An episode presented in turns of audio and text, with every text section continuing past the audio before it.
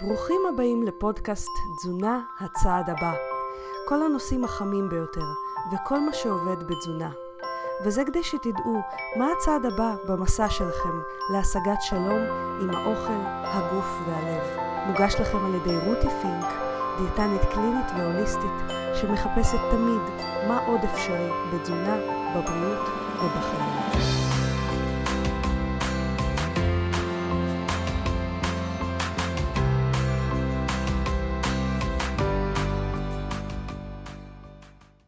היי חברים, רותי כאן, פודקאסט חדש, פרק 11, והיום אני רוצה לענות על שאלות מאזינים.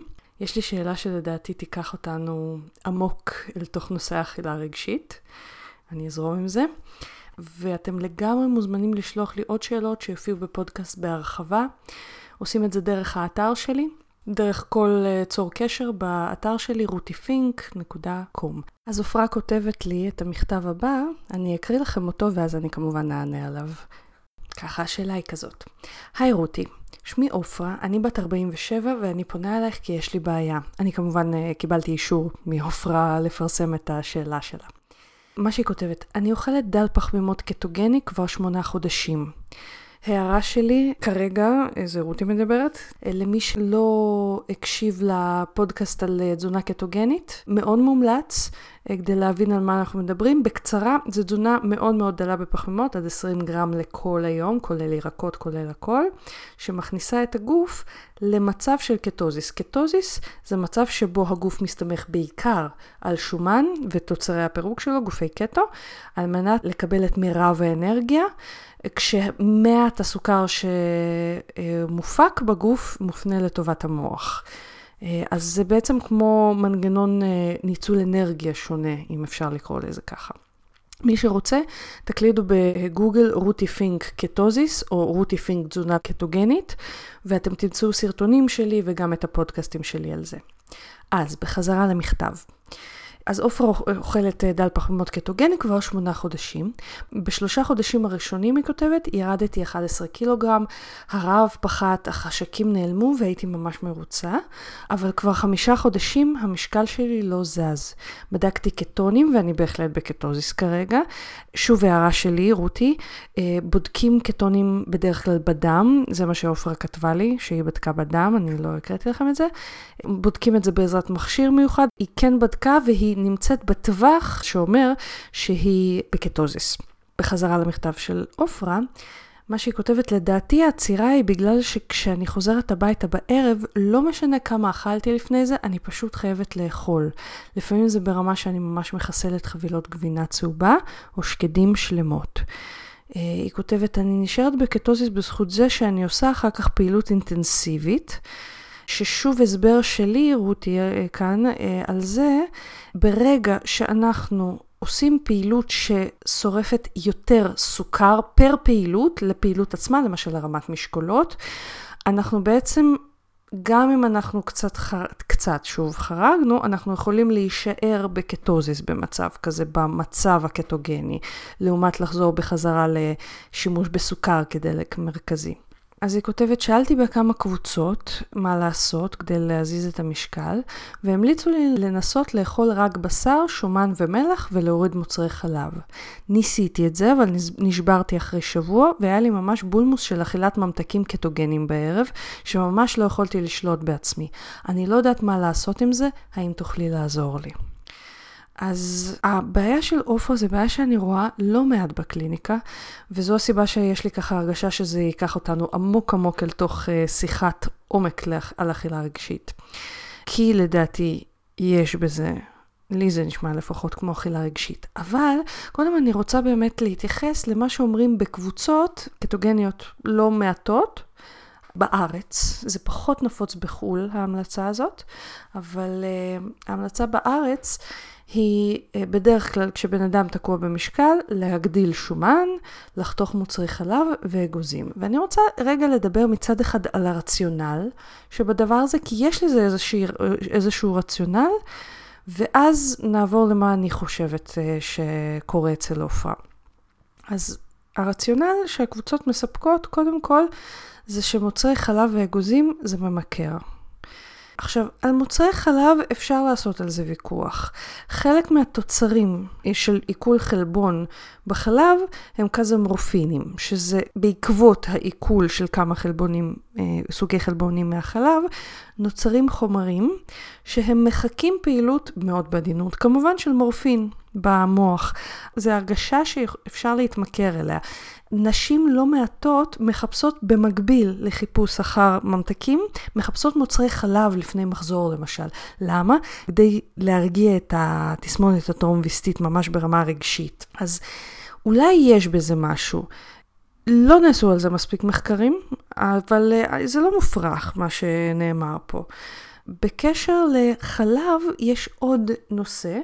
חלבונים של החלב מגבירים הפרשת אינסולין. יש קצת ויכוח בין מה משמעותי יותר לירידה במשקל, האם זה הקלוריות או האינסולין. הטענה של אלה שמצדדים בקלוריות זה שזה חוק פיזיקה. אנחנו מורידים קלוריות לעומת הצרכים שלנו, כלומר נמצאים בגירעון קלורי, אנחנו נאבד משקל. למה? כי הגוף יצטרך להשתמש במאגרים שלו, לא יהיה לו מספיק. לעומת זאת, הטענה של המצדדים בזה שהאינסולין חשוב יותר, זה שאינסולין הוא, הוא, הוא הורמון שמאוד מאוד תומך בשמירה על רקמת השומן, בבנייה של רקמת שומן ושרירים. אז ברגע שאנחנו מפחיתים אותו, קל יותר לפרק את השומן, יש אה, פחות אה, קפיצות סוכר ועוד כהנה וכהנה. אני רוצה לעסוק בזה קצת יותר בהרחבה בפרק הבא, אז אני לא אכנס לזה יותר מדי, הטענה של מי שממליץ להפחית את מוצרי החלב בנושא של המשקל, זה שהם מעלים, בין היתר כמובן, זה שהם מעלים גם אינסולין ולכן מפריעים לירידה במשקל. הדעה שלי בנושא של אה, מודל האינסולין מול מודל הקלוריות היא ששניהם צודקים, אוקיי? אתה לא יכול לשבור חוקי פיזיקה. אתה לא יכול לאכול, לא יודעת מה, 100 קלוריות ביום, אני מה זה מגזימה? 100 קלוריות נגיד, לא יודעת מה, ביצה, אוקיי? ביום ולא לרדת במשקל. אי אפשר. פיזיקלית זה בלתי אפשרי, אוקיי? אבל יש יתרון כנראה, אה, לפחות מהמחקרים, מה שאנחנו רואים זה שכנראה יש יתרון בתזונה שמפחיתה אינסולין בירידה במשקל. אז שוב, הטענות האלה הן לא לגמרי מופרכות מהמציאות, אבל אנחנו לא יכולים להתעלם מהקלוריות, זה לא רק אינסולין. אז uh, השאלה היא גם לא רק כמה מוצרי החלב מעלים אינסולין, אלא גם כמה בפועל הם נאכלים. ואם אנחנו צוברים גם את ההשפעה שלהם על האינסולין, וגם את זה שהם עלולים, כנראה, לא בטוח, אבל עלולים אצל אנשים מסוימים להיות ממכרים, אנחנו יכולים להגיע לעודפים די רציניים של אה, קלוריות ממוצרי חלב. אז אנחנו בעצם לא סותרים לא את מודל האינסולין ולא את מודל הקלוריות, כן? אבל מצד שני, אגוזים מבחינת התמכרות פיזית, אין שום עדות לזה. מה שכן יכול להיות מבחינת אגוזים, זה רק הקטע הזה שאנחנו אוהבים את התחושת נשנש הזאת, את התחושת פיצוח הזאת של האגוזים, ובהחלט אפשר לאכול מהם כמויות גדולות בלי לסבוע מספיק. 100 גרם אגוזים, 500, 600, 700 קלוריות, תלוי איזה אגוזים, זה לא מעט, זה תוספת של לא מעט קלוריות. בנוסף לזה, זה כמובן לא מעט פחמימות, מה שיכול להשפיע על כמות הקטונים, להגדיל את כמות הפחמות, וכך כן ייתכן ליצור יותר רעב. שוב, אני מדברת כרגע על הרציונל בקבוצות, כי אני לא חושבת שזה מופרך. מצד שני, אני חושבת שהם מפספסים פה את הנקודה.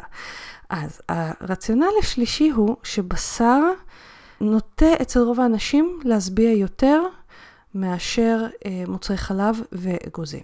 הם אומרים, תאכלי יותר בשר, תורידי את החלב, תורידי את האגוזים, תאכלי רק בשר. מי שעושה את זה מדווח חלק מהאנשים על הפחתת חשקים, וחלק מהאנשים אומרים שזה לא עושה להם כלום, לא משנה כמה שומן, כמה בשר הם אוכלים. אז כנראה שזה גם אישי, גם תזונה של נטו בשר לא באמת נחקרה במחקרים מעבר לתיאורי מקרה, אז אנחנו קצת לא יודעים להסתמך ברמה הסטטיסטית על זה. אבל שוב, זה לא דברים שאין להם שום רציונל. אבל, כאמור, אני חושבת שאנשים מפספסים בקבוצות האלה את הפואנטה. כי לי, מהניסיון שלי לפחות בקליניקה, ניסיון של כבר עשר שנים, פלוס 11, אה, לי זה נשמע הרבה יותר כמו אכילה רגשית. עכשיו, גם פה הדעות שלי חלוקות עם עניין של הקבוצות של התזונה הקטוגנית בארץ. כי מה שהם לרוב טוענים זה שאין דבר כזה אכילה רגשית בתזונה דלת פחמימות, ושברגע שאתה בקטוזיס אין צורך בכוח רצון, אלא זה פשוט יורד לבד, החשקים האלה והאכילה הרגשית. עכשיו, שוב, זה לא לגמרי מופרך מה שהם טוענים. בעיניי זה נכון חלקית, כי מה שקורה זה שהחשקים הפיזיים הרבה פעמים, ושוב לא אצל כולם, וכנראה שיש איזושהי רמה של שונות גנטית בעניין הזה, אבל אצל לא מעטים החשקים אכן יורדים בתזונה קטוגנית, והרבה פעמים גם בתזונה דלת פחמימות לא קטוגנית, יש על זה מחקרים, אוקיי? יש מחקרים למשל שהבטא הידרוקסיבוטירט, שזה גופיף קטו, אז יש מחקרים שהוא באמת מפחית אה, תיאבון. אבל אני רואה בקליניקה שלי שבתזונה דלת פחמימות, במיוחד אצל נשים, ושימו לב, בארץ רוב הקבוצות לא מנוהלות על ידי נשים של תזונה דלת פחמימות, הרוב, לא כולם. אז אצל נשים העניינים הם לא כל כך שחור או לבן, יש לא פחות אכילה רגשית מבכל תזונה אחרת. כי קטוזיס ותזונה דלת פחמימות אכן מפחיתות תיאבון, אבל לא מפחיתות אכילה רגשית, כי המקורות של אכילה רגשית הם לא תיאבון פיזי. ואיך זה? כי אכילה רגשית לא נובעת מרעב פיזי, שבאמת מופחת בתזונה דלת פחמימות, אלא מצרכים שהם לא פיזיים, רגשיים בעיקר, או מאוטומטים. והצרכים האלה לפעמים חזקים לא פחות, ואפילו הרבה יותר, מרעב פיזי. ואז, גם אם אנחנו שבעים, גם אם הקטוזיס הפחית לנו את כל השובע שבעולם, אנחנו עדיין מסוגלים להתעלם לחלוטין מהשובע כדי לספק את הצורך הרגשי. וכאן אני באמת רוצה להגיד שאני מפרסמת כבר כמה פרקים של הפודקאסט את הקורס לרזות בשפת הגוף, והסיבה היא לא סתם ככה. כי הבסיס לעבודה על אכילה רגשית היא היכולת להפריד בין רעב פיזי לרעב רגשי. בלי ההבנה על ההבדל בין רעב רגשי לרעב פיזי, קשה מאוד לעבוד על אכילה רגשית. כי הרבה פעמים אנחנו מתרגמים רגשות כתחושות פיזיות. למשל, אני מרגישה בור בבטן ש... שצריך להתמלא. זה דיבור אופייני לאכילה רגשית, אבל התחושה היא מאוד מאוד פיזית. וידוע, ולמה אני מדברת על נשים יותר? כי אצל נשים יש יותר אכילה רגשית. surprise, surprise, נשים שונות מגברים. ולכן אני אתן לכם רגע את החסות של אה, הקורס שלי לרזות בשפת הגוף, שמדבר בדיוק על היכולת הזאת של ההפרדה בין רעב רגשי לפיזי, ואנחנו כבר ממשיכים. היי חברים, אם אתם עושים הכל ולא מצליחים לרדת במשקל, או שמצליחים לרדת במשקל, אבל זה מלווה בתחושת מלחמה ותסכול, יש סיכוי טוב שאתם מתעלמים מהסימנים שהגוף שלכם שולח. הגוף שלכם מאותת לכם כל הזמן האם חסרה לו אנרגיה או שיש לו מספיק. ואם אנחנו מתעלמים ממנו, אנחנו בעצם פוגעים בסנכרון העדין של ההורמונים השונים שמווסתים את המשקל שלנו. אז אם אתם יודעים לזהות את הסימנים שהגוף שלכם שולח בנוגע לאכילה, למשל, איפה בגוף אתם חשים את הרעב? באיזה מקום? האם אתם בכלל יודעים לזהות אותו? כי יש שני סימנים מדויקים שהגוף שולח שהם רעב. כל השאר אינו רעב, ואנחנו נוטים לאכול מתוך סימנים שהם לא רעב. ואיך אתם למשל יודעים מתי לעצור לאכול? האם זה לפי הכמות שמונחת בצלחת, או שאתם מכירים את הסימנים המדויקים שהגוף שולח בזמן האכילה ולא 20 דקות אחרי? כשאנחנו מתעלמים מהרעב והשובע, או לא יודעים לזהות אותם, אנחנו אוכלים בעודף גם אם אנחנו אוכלים כולה חסה. כי באותו רגע לא חסר לגוף כלום, וזה קצת דומה ללדחוף יותר מדי בגדים למכונת כביסה מלאה. אה, הכביסה לא יוצאת משהו במצב כזה. כי באותו רגע הגוף לא זקוק לשום דבר. הוא אומר לנו, אני בסדר, תתעסקו עם החיים שלכם. אבל אנחנו דוחפים לו את הקלוריות האלה בניגוד לרצונו. ואז אנחנו אכן אוכלים בעודף. וצוברים משקל. אז איך מקשיבים לגוף? ואיך מצליחים לאכול לפי הסימנים שלו בכלל? לשם כך בניתי את הקורס הדיגיטלי לרזות בשפת הגוף. הקורס הזה מאגד את כל הבסיס והידע לתחילת הקשבה לגוף.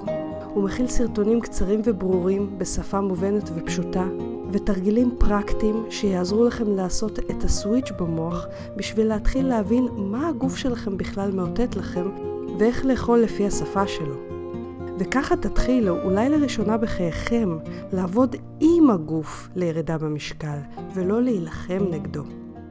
בקורס תלמדו את הסימנים המדויקים של רע ושובע, ואת התרגילים המנטליים הפשוטים שניתן לעשות על מנת לעזור לעצמנו להקשיב לגוף ולשבור את האוטומטים שאנחנו פועלים לפיהם, שגורמים לנו להתעלם מהבקשות של הגוף שלנו. את כל התכנים של הקורס בדקתי כבר על מאות מטופלים בקליניקה, שלא לומר אלפים, ואין טיפול שבו אני לא מכניסה את התכנים האלה, כי זה פשוט הבסיס להכל. לא משנה מה אתם אוכלים ובאיזה תזונה אתם דוגלים, אם אתם מתעלמים משפת הגוף, אתם תהיו במלחמה עם המשקל. התגובות על הקורס הזה הן למשל, אלוהים, אף פעם לא שמתי לב שהגוף מדבר אליי, וגם איך אף אחד לא סיפר לי את זה. אז אם אתם רוצים להפוך את הגוף לחבר שעוזר לכם לרדת במשקל במקום לאויב שמנסה לחבל לכם בתהליך, היכנסו לאתר שלי, רותי פינק, F כמו פנטזיה, rutifink.com, ובלשונית קורסים דיגיטליים, בתפריט, אתם תמצאו את הקורס לרזות בשפת הגוף. ולמאזיני הפודקאסט יש הנחה על הקורס. אם תקלידו במעמד התשלום את האותיות פודקאסט באותיות אנגלית ראשיות, תקבלו הנחה של 70 שקלים שהם 20% ממחיר הקורס. הגוף הוא המשרת הטוב ביותר שלכם, הוא לא נגדכם, ואתם הולכים לגלות איך לעבוד ביחד איתו כדי להגיע למשקל האופטימלי ביותר עבור שניכם. לרזות בשפת הגוף, עכשיו באתר שלי, רותי פינק, F כמו פנטזיה, rutifink.com בלשונית קורסים דיגיטליים. כי הגיע הזמן להפסיק להילחם באוכל, ולהפוך אותו להיות פשוט אוכל.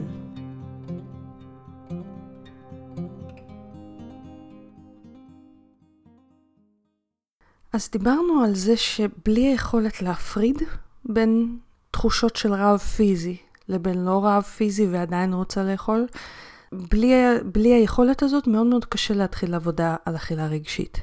אבל בואו נגדיר מה זה אכילה רגשית. אכילה רגשית היא בעצם כל הפעמים שבהם אנחנו אוכלים כי יש לנו צורך רגשי כלשהו, בין שאנחנו מודעים אליו ובין שלא, והצורך הרגשי הזה לא מסופק מספיק. ולמה זה קורה בעצם? כי אוכל, עוד מהרגע שאנחנו נולדים, יש לו המון המון תפקידים בבת אחת. תחשבו על זה.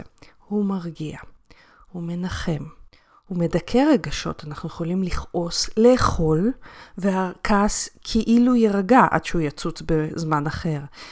אוכל מאלחש תחושות. הרבה מאוד אנשים אוכלים עד לתחושה של קבס, ואז צונחים כזה כי זה מעייף. וזה יוצר תחושת הלחוש. אני לא מעודדת אתכם לעשות את זה, אני פשוט אומרת לכם שזה מצב שקיים.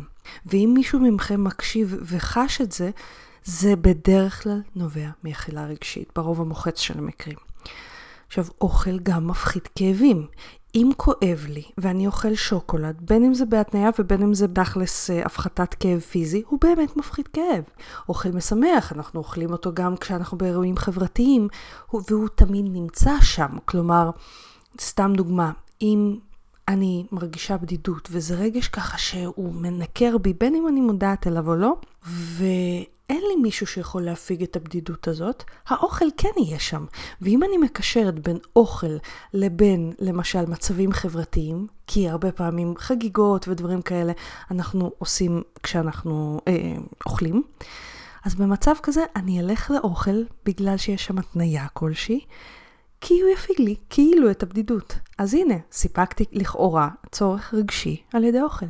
עכשיו, סופר חשוב לי להדגיש נקודה מסוימת. הרגשות שאנחנו אוכלים בגללם, או המצבים הרגשיים והפנימיים שאנחנו אוכלים בגללם, הם ממש לא תמיד מודעים. לכאורה זה כזה נראה כאילו שבא לי.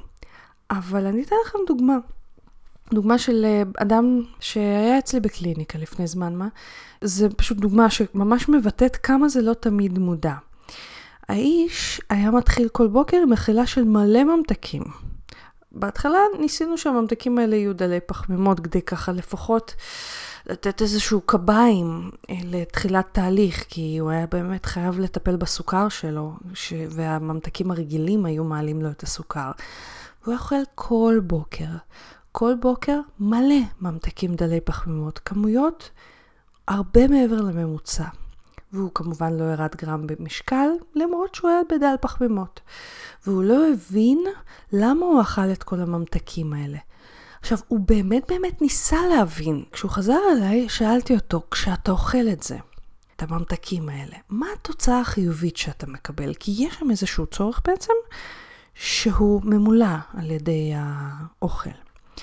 אז הוא ענה לי שהוא לא יודע מה, מה הכוונה החיובית, אבל שזה משמח אותו, זה הכל. וזה לדעתי בדיוק התפקיד של איש מקצוע טוב, להבין מה הסיבה העמוקה יותר, לשאול את השאלות הנכונות. אז uh, שאלתי אותו בסוגים שונים של שאלות, אבל בקצרה, כאילו, כשאתה שמח שם בבוקר, מה זה נותן לך? אז הוא אמר שזה נותן לו כוחות לקראת היום שלו. אז שאלתי אותו מה קורה ביום שלו, שמצריך תחושה של כוחות לקראת היום. והוא אמר לי שיש לו יום מאוד ארוך כל יום, כאילו בעבודה, וכשהוא חושב עליו בבוקר הוא מרגיש כל פעם שזה גדול עליו. ואז הוא בעצמו הבין כבר אה, שהוא אוכל כי זה נותן לו כוח לעמוד בכל עומס היום שלו. עכשיו, הנה סיבה שהוא בכלל לא היה מודע לה לאכילה רגשית. האוכל נתן לו כוח ליום שלו. הוא לא היה מודע לזה בכלל. זו סתם דוגמה לכמה אכילה רגשית יכולה להיראות לכאורה ללא סיבה, אבל תמיד יש סיבה, או כמעט תמיד. ולמה אני אומרת כמעט תמיד? כי יש אכילה שהיא לגמרי אוטומטית, ממש ברמה של גירוי תגובה. זה כמו הכלבים של פבלוב. מי שלא מכיר את הכלבים של פבלוב, זה ניסוי נורא קלאסי בפסיכולוגיה בהייביוריסטית של חוקר רוסי בשם פבלוב, שלקח כלבים, וכל פעם שהוא היה מאכיל אותם הוא היה מצלצל בפעמון. והכלבים התרגלו שכשמגיע אוכל מצלצל פעמון. ואז הניסוי, ההדגמה של ההתניה, וזה נקרא התניה קלאסית, הייתה כשפבלוב הפסיק להביא את האוכל והיה מצלצל בפעמון. ומה שהיה קורה זה שהכלבים היו, בתגובה לפעמון, בלי שהיה איזשהו גירוי של אוכל, היו מריירים, אוקיי? זה ממש התניה, גירוי, פעמון, תגובה, ריור. התניה ברמה של גוף כבר, אוקיי? ויש לנו המון המון התניות אוטומטיות לאוכל, או לחלקנו לפחות. ובמצב כזה יש טכניקות אחרות שעובדות על ההתניות הקלאסיות. CBT, NLP, הם ה-go-to לפחות שלי, בעבודה על התניות קלאסיות. כדי לחתוך את ההתניות האלה. אבל רוב האכילה היא בדרך כלל לא התניה קלאסית. ההתגרות שלנו יותר מהאוכל היא יכולה להיות התניה קלאסית. אבל בואו נחזור רגע לעופרה. אני לא פגשתי אותה אישית, אבל אני כבר יודעת כמה דברים. היא אוכלת למרות שהיא מבינה שזה לא טוב לה. היא אוכלת למרות שהיא מבינה שלא, שהיא לא רעבה. כלומר, זה לא הידע שחסר לה. אז אולי מישהו. כרגע חושב לעצמו שאולי חסר לה כוח רצון או משהו כזה כדי להתגבר לאכילה רגשית. מה הבעיה? שתתפוס את עצמה בידיים ושתעצור את עצמה. אז אני רוצה ככה להוריד קצת את ההילולה סביב כוח הרצון שקיימת בחברה שלנו. כוח רצון זה באמת דבר שקיים, אוקיי? כשכל כולו של ה... כוח רצון של האדם מכוון למטרה מסוימת, הוא אכן יכול למנוע ואפילו להוריד התניות קלאסיות אפילו של אכילה רגשית, או סתם אכילה רגשית, רק מעצם כוח הרצון. וכשזה קורה, זה באמת מאוד מעורר השראה, אין, אין ספק. ובאמת אפשר לגייס כוח רצון כזה. אבל עובדה שכמות די גבוהה של אנשים נכשלת בכל מיני גיוסים של כוח רצון, אומרת שזה לא רק עניין של כוח רצון. והעניין הוא שקודם כל, כוח רצון כזה הוא הרבה פעמים משהו יחסית קצר טווח, כי הוא גם דורש מיקוד מאוד גדול, ולהשאיר את המיקוד הזה למרות כל מה שקורה בחיים. ולא פחות מזה, השאלה היא גם אילו מחסמים ביישום עומדים מול כוח הרצון הזה. כאילו, איזה קירות כוח הרצון הזה צריך לשבור ביחס לכוחות והמשאבים של האדם כולו. כי עם כל הכבוד לכוח רצון, יש הרבה דברים בחיים שלנו שדורשים כוח רצון. לא לצעוק לפעמים על הילדים שלי כשהם מעצבנים אותי, דורש ממני כוח רצון. לעצור את עצמי מלקנות איזה שטות שאני לא באמת צריכה, נגיד באי-ביי או משהו כזה, דורש ממני כוח רצון. אם אני בפקק, לא לצפור או לצפור דורש ממני כוח רצון. וזה רק שלושה דברים מאלפי הדברים ביום שלי שאני נדרשת בו לכוח רצון יום ביומו, ואני בטוחה שאני לא היחידה. ואז אנחנו אשכרה מגיעים לסוף יום עייפים, גמורים, רצוצ... רצוצים, אחרי שניצלנו ממש אלפי פעמים במהלך היום את כוח הרצון שלנו. ונחשו מה? במצב כזה, אשכרה אין לנו כוח לכלום. יש לנו כוח להיזרק מול הטלוויזיה או הטאבלט או מה שזה לא יהיה בסוף היום, ולא לנצל את כוח הרצון שלנו לשום דבר נוסף. אגב, אני לא יודעת מה איתכם, אבל אצלי אפילו להזיז את עצמי לאמבטיה בסוף יום דורש כוח רצון. אה, אבל זה בדיוק העניין של המחסומים, אוקיי? נגיד יש כוח רצון, אבל יש גם המון המון דברים שצורכים אותו. ואז מה קורה כשאנחנו בעייפות הזאת עם פחות כוח רצון? מה קורה לכם כשאתם עייפים? שמתם לב אולי שכשאתם עייפים אתם נוהגים לעבור יותר לאוטומטים שלכם? היו לא מעט פעמים שכשהייתי ממש ממש עייפה, בלי לשים לב בזמן נהיגה, הייתי נוהגת לכיוון הבית, ואז אני תופסת את עצמי כזה באמצע הדרך, רגע, אני לא נוסעת בעצם הביתה, במקום לנסוע לאיזה מקום אחר. מה קרה שם אצלי? ושוב, אני ממש לא היחידה. מה שקרה זה שהמוח לקח את האוטומט במקום להפעיל חשיבה. למה? עייפות. זה רק מחסום אחד שעומד בפני כוח רצון. אגב, הערת ביניים, כמה שאנחנו עייפים יותר, יש לנו יותר קושי להפעיל כוח רצון, אוקיי? ומה האוטומטים של הרבה בני אדם, אגב? אם אנחנו מדברים על כוח רצון ושאוטומטים נכנסים לפעולה כשיש להם פחות כוח רצון, האוטומטים הם לאכול, כשעייפים, כי זה מעלה אנרגיה, או לאכול כי מרגישים עצובים, או לאכול כי מרגישים בודדים, או כי משעמם, או לבד בבית בערב. או כי אנחנו כל כך עייפים ואנחנו יודעים שאוכל פשוט אשכרה ייתן לנו אנרגיה. אז כל האוטומטים האלה באים במיוחד בערב, וזה נשמע לי שקורה אצל עופרה, כי המוח אשכרה חוסך בתהליכים בערב, בהחלטות. אבל זה קורה ממש לא רק בערב, זה יכול להיות גם לחלוטין לא קשור לגמרי לכוח רצון, אלא לנטו כמה הצורך הרגשי שלנו גבוה. וזה המחסומים הבאמת משמעותיים שיכולים לעמוד בפני כוח רצון. אנחנו יכולים להחליט, אנחנו מתחילים, דל פחמות, קטוגני, צום לסירוגין, whatever, טבעונות, מה שאתם רוצים. אנחנו מחליטים את זה, אנחנו מגייסים כוח רצון כמה ימים, וואלה, מהמם, אנחנו על זה, אנחנו על הגל, ואז בא איזשהו משברון, משברונוש, או משבר רציני. אני אתן לכם דוגמה אישית. אני גרה במודיעין, שהיא עיר די בטוחה מבחינת הטילים מעזה, תודה לאל. אבל בצוק איתן, לפני איזה חמש שנים אני חושבת, בצוק איתן נפלו כמה טילים באזור שלנו והיו כמה אזעקות. וזו הייתה הפעם הראשונה שאני אישית, מאז מלחמת המפרץ, חמסה חמסה, כן, אין לי מה להתלונן. ליבי יוצא אל כל האנשים בדרום שפוגשים את זה הרבה, אבל אני לא פגשתי את זה המון המון זמן, ממש מאז מלחמת המפרץ. ומה שקרה, אני עם כל הידע שלי בהחלט הייתי דיאטנית שם, בהחלט הכרתי אה, טיפול באכילה רגשית, אבל למחרת האזעקה הראשונה, אני אשכרה לא יכולתי להפסיק לאכול מהרגע שקמתי. ממש הייתי כמו שואב אבק, כל הזמן הלכתי למחר, למקרר, נשנשתי, חזרתי עוד פעם, עוד פעם, בער לי. לקח לי ממש כמה שעות במצב הזה להתעשת באותו יום, כאילו למחרת האזעקה הראשונה, ולבדוק עם עצמי מה קרה שם. שאלתי את עצמי, במצב הזה, מה האוכל הזה נותן לי, שאם לא יהיה לי את האוכל, יהיה חסר לי. מה האוכל הזה נותן לי כרגע, שאם לא יהיה לי את האוכל כאן כרגע, מה יהיה חסר לי שם? והתשובה, שלקח לי כמה שעות להגיע אליה בכלל, הייתה חסר לי ביטחון. תחושת הביטחון שלי באותו יום כל כך התערערה, שהמוח די נכנס למצב חירום, ובמצבי חירום לא חושבים, פועלים, אוטומט. ומה האוטומט שהיה לי אז? חוסר בביטחון, אוכל ייתן ביטחון. אז אוכלים כי זה נותן ביטחון.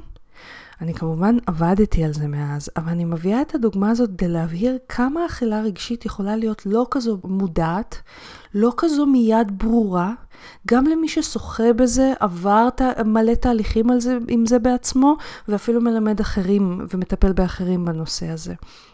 אז אני הבאתי לכם כמה דוגמאות לאכילה רגשית, כי אצל רוב האנשים, ובמיוחד כשהיא לא מודעת, היא אוטומטית. ורק רציתי להראות לכם כמה יכולה להיות חזקה, הרבה מעבר לידע והרבה מעבר לכוח רצון. אולי אתם מבולבלים כרגע ומיואשים למשמע יכולת השליטה של האכילה הרגשית על אשכרה על התנהגות שלנו, ואפילו על הבריאות שלנו, כי היא הרבה פעמים פוגעת בבריאות שלנו. ויכול להיות שאולי אתם סקרנים לדעת מה עושים איתה. אז אני ממש אספר לכם בקצרה מה אני עושה בקליניקה שלי עם אכילה רגשית, כי רוב מי שמגיע אליהם ומתקשה להתמיד באכילה דלת פחמימות, מתקשה בגלל עניין האכילה הרגשית, אם כי כמובן לא תמיד, כי לפעמים זה באמת באמת טעויות בסיסיות בתזונה. חזרה לטיפול באכילה רגשית, אני לוקחת תמיד שלושה כיוונים של טיפול באכילה רגשית, ואני עובדת עליהם בקליניקה במקביל. הראשון הוא הגברה של הכוחות והמשאבים של המטופל, כדי באמת להגביר את כוח הרצון. כי בשביל כל שינוי, אפילו אם הוא פצפון, אם הוא בקטנה, דרוש איזשהו כוח רצון. כוח רצון זה הכוח הפנימי שנובע מזה שאני רוצה את מה שאני רוצה. כלומר, אם אנחנו עובדים על הגברת המוטיבציה, בכל מיני תהליכים פסיכולוגיים מסוימים, אנחנו מגבירים את כוח הרצון. עכשיו, במקביל, אני, ביחד עם המטופל כמובן, מתחילה על ידי תשאול ספציפי, לבדוק את הסיבות שבגללן יש את האכילה הרגשית. אני גם מלמדת כמובן את האדם לתשאל את עצמו בצורה אפקטיבית, שמייצרת הבנה עמוקה למה הוא אוכל רגשית, גם אם לפני זה האכילה הרגשית הייתה לא מודעת, כדי להעלות את זה למודע. ובמקביל כמובן נותנים לו כלים פסיכולוגיים לעבוד על זה. והכיוון השלישי הוא עבודה על האוטומטים הפשוטים. למשל, אני חוזרת הביתה, אני חייבת לאכול. אוקיי? סתם דוגמה. זה לא תמיד אוטומט, אבל אצל חלק מהאנשים זה אוטומט. או למשל, אה, מול הטלוויזיה אני חייב גרעינים. אוקיי? זה סתם דוגמה. הדבר הזה דורש תהליך. זה לא פגישה אחת, זה לא זבנג וגמרנו. בדיוק כמו שהאוטומטים והדפוסים של האכילה הרגשית, לרוב לא נוצרים ברגע אחד, כך גם להתיר אותם לא ייקח פגישה או שניים. אבל עם כל פגישה כזאת, האדם מתחיל להרגיש יותר ויותר שלום עם האוכל ועם הגוף. ושלום יותר בלב, כי בתכלס, כשאנחנו אוכלים רגשית, אנחנו קצת מתעלמים ממה שאנחנו, הרגשות שלנו, הם חלק מאיתנו. כי אכילה רגשית היא אחד הדברים שגם מרחיקים אותנו מהגוף שלנו, מהצרכים שלנו. והרבה פעמים אכילה רגשית ממש ממסכת את היכולת שלנו פשוט להיות עצמנו. זה אגב למה המוטו של העסק שלי זה שלום באוכל, בגוף ובלב. אני רוצה להשאיר אתכם עם טיפ קטן בסיום הפרק הזה. אתכם ואת עופרה.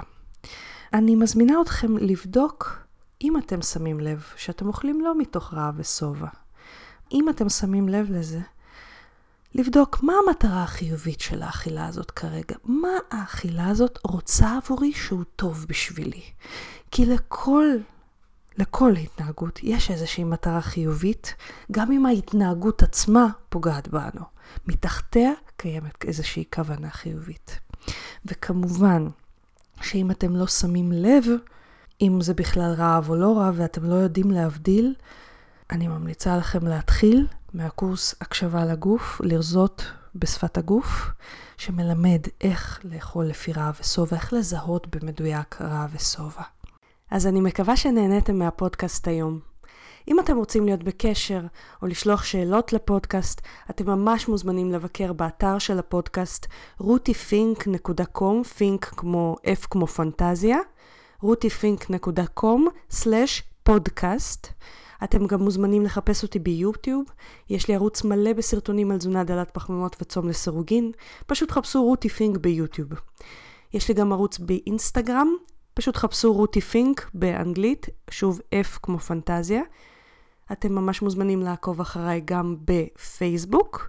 אתם יכולים לחפש אותי פשוט בעברית, רותי פינק, או להיכנס לאחת משתי הקבוצות שאני מנהלת, דלי פחמימות ישראל, והקבוצה צום לסירוגין עם רותי פינק.